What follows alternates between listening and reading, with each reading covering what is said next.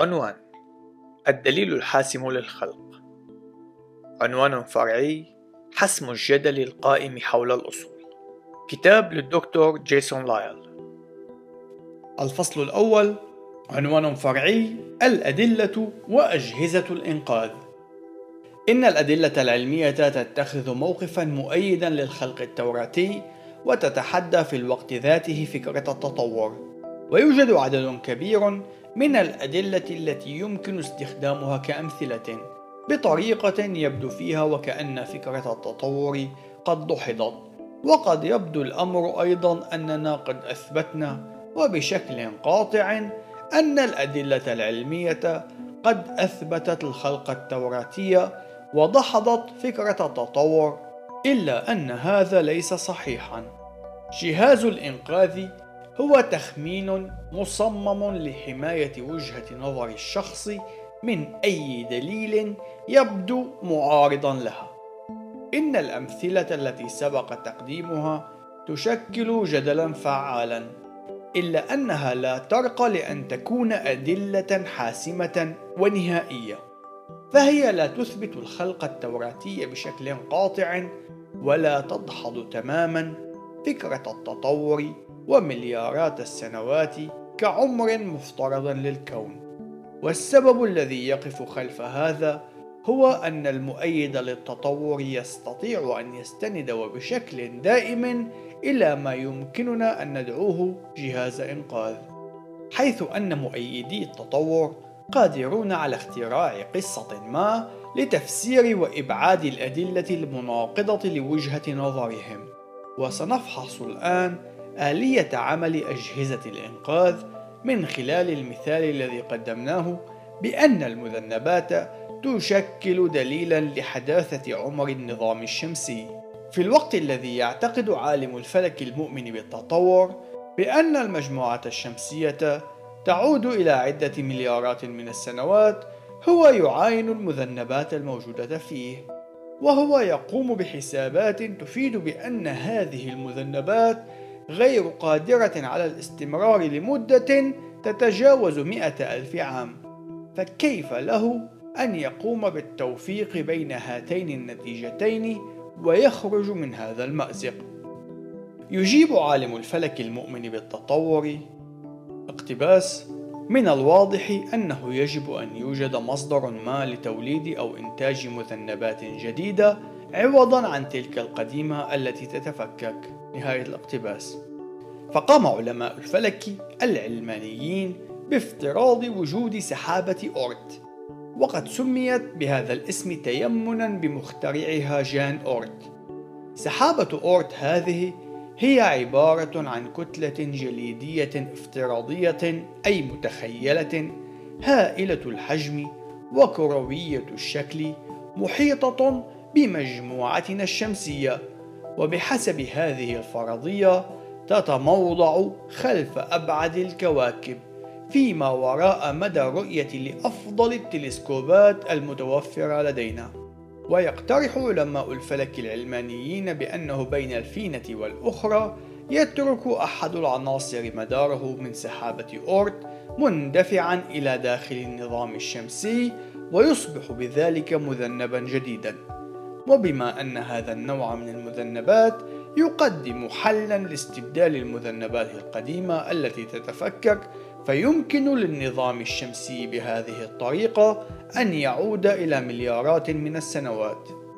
لا بد من الإشارة إلى أنه ليس من أحد قد سبق وعاين سحابة أورت أبدا، فمن حيث المبدأ يعتقد بأنها أبعد بكثير من أن يتم اكتشاف أو رؤية الأشياء الصغيرة والكتل المتواجدة فيها. وفي وقتنا راهن لا يوجد أي معاينة لأي دليل من أي نوع كان لسحابة أورت ولذلك لا يوجد أي سبب مقنع للاعتقاد بوجود هذه السحابة الافتراضية. وهذه السحابة ليست موجودة إلا في أذهان المؤمنين بالتطور وحقيقة الأمر إن سحابة أورت هذه هي جهاز إنقاذ يحفظ رؤية التطوريين من الدليل الذي يمكن أن يبطلها.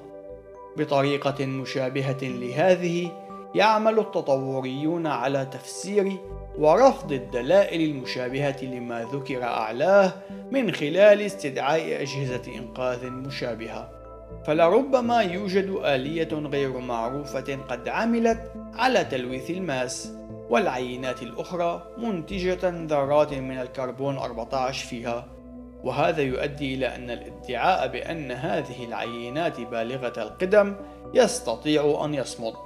ولربما يوجد آلية لم يتم اكتشافها بعد قادرة على إنتاج وإضافة معلومات جديدة إلى سلسلة الحمض النووي ولربما لا يوجد أي شيء بالغ التعقيد بشكل مذهل ومبدع فالأشياء المعقدة هي تعطي الانطباع بذلك فقط نتيجة لعدم قدرتنا على تخيل الخطوات التي تدرجت من خلالها. إن السبب الرئيسي الذي يجعل الأدلة وحدها غير قادرة على إقناع الناس هو أنهم قادرون وبشكل دائم أن يستندوا إلى المجهول، وهذا هو السبب الحقيقي الذي يجعل من الدلائل والجدل الذي سبق تقديمه عاجزين عن إثبات الخلق التوراتي. فأي دليل قابل للدحض والتفسير من خلال استخدام جهاز إنقاذ مناسب له؟ فهل استخدام أجهزة الإنقاذ هو أمر غير مقبول؟ وهل نستطيع انتقاد الفلكيين التطوريين كونهم يخترعون ويقدمون تخمينات بهدف إنقاذ وجهة نظرهم التي ترتكز على العمر السحيق عوضا عن قبولهم بالأدلة التي تقدم لهم إن الرد على هذه الأسئلة قد يكون غير متوقعا فالإجابة هي لا إن استعمال جهاز الإنقاذ ليس خاطئا بالضرورة وفي الحقيقة نحن جميعا نمتلك أجهزة إنقاذ جميعا نمتلك طريقة تفكير معينة نقوم من خلالها بفهم العالم أي الرؤية إلى العالم. إن رؤيتنا للعالم هي عبارة عن تجميع لأشد قناعاتنا حول الطريقة التي يعمل من خلالها العالم، أي كيف ظهر العالم للوجود، طبيعة الواقع، طبيعة الحقيقة، وكيف يجب أن نحيا. وبغض النظر عن الرؤية التي نمتلكها، سيتواجد دائما بعض الأدلة التي تعطي انطباعا بأنها لا تتوافق معها قد يكون الأمر مجرد انطباع وبالتالي فإن أي شخص كان سواء كان من أنصار التطور أو من أنصار الخلق التوراتي سوف يقوم بالاعتماد على جهاز إنقاذ من نوع معين بغرض الحفاظ على عقلانية رؤيته للعالم. وعليه فإنه ليس من الضروري انتقاد علماء الفلك العلمانيين كونهم اخترعوا سحابة أورت فإنه ليس من الممكن التأكد من عدم وجودها. إذ أن غياب الدليل على وجود سحابة أورت ليس دليلا على عدم وجودها وبالتالي فإنه من غير الممكن أن نرفض بشكل فوري التخمينات التي يقدمها أنصار التطور على قاعدة أنها غير عقلانية أو مستحيلة. بالرغم من ذلك، فإن التخمين لا يجب أن يكون مبالغا به وتعسفي. فإن قمت وببساطة بالتأكيد والإصرار على أن مركز كوكب زحل يتكون من الجبن الأخضر اللون، وذلك إلا في حال قام شخص ما بإثبات عكس ذلك. إن هذا الموقف يعتبر مرفوضا. فوفقا لقواعد التفكير المنطقي ليس مسموح لأي شخص أن يكون تعسفيا أي أن يقوم بافتراضات عشوائية دون وجود مبرر كاف لها. فإن كنا جميعا سنقوم بتقديم افتراضات دون وجود مبرر لها حينئذ نكون قادرين بشكل متساو على تقديم افتراضات متناقضة. أي أنه إن كان لدى الناس الحق بتقديم أي افتراض دون الحاجة لتقديم حجج منطقية لتدعيم موقفهم فإنه سيكون من المستحيل أن يجرى أي حوار عقلاني.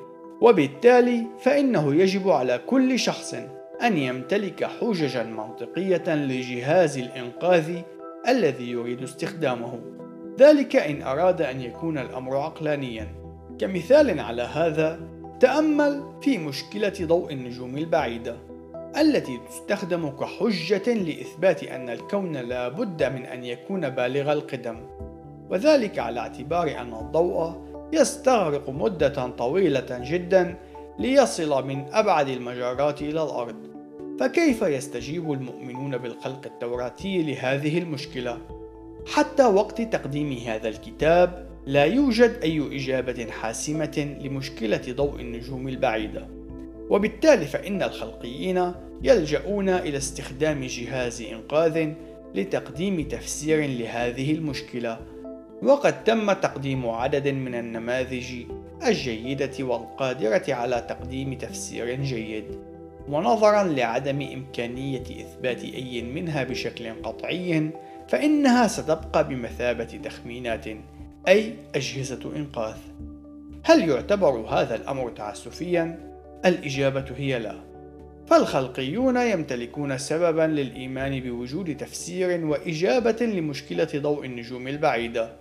وبوصفي خلقي فإني مقتنع تماما بأن الكتاب المقدس هو بالحقيقة كما يدعي عن نفسه كلمة الله.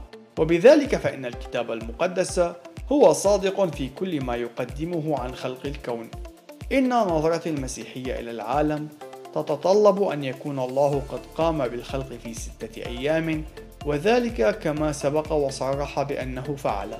وبالتالي فأنا أمتلك سببا جيدا لأعتقد بوجود تفسير عقلاني ومنطقي يقدم حلا لمشكلة ضوء النجوم البعيدة وربما يكون الحل الصحيح من خلال أحد النماذج الموجودة حاليا أو أنه لم يكتشف بعد.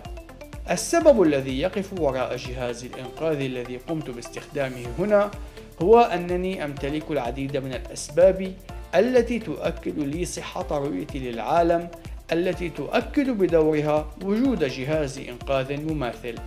وبالتالي فإن الشخص العقلاني قد يلتمس الحجة في رؤيته إلى العالم على أساس أنها السبب الذي يقف وراء جهاز الإنقاذ. ومن الطبيعي أنه يجب أن يمتلك أسبابا مقنعة لرؤيته للعالم. التطوريون ومعهم جميع المؤمنين بالعمر السحيق للكون يمتلكون المبرر الكافي للإيمان بوجود سحابة أورت وذلك فقط في حالة واحدة إن كانوا قد التمسوا الحجة في رؤيتهم للعالم. لكن التماس الحجة في رؤية الشخصية للعالم تكون أمرا عقلانيا فقط في حال كانت تلك الرؤية هي بحد ذاتها أمرا عقلانيا. وبالتالي فإن الجدل القائم حول الأصول يمكن أن يتم تلخيصه في جدل حول رؤى المتنافسة إلى العالم وعليه يتوجب علينا أن نقدم بضعة أفكار وتعريفات لطبيعة وماهية الرؤية إلى العالم وكيف نحكم بين المتنافسة بينها.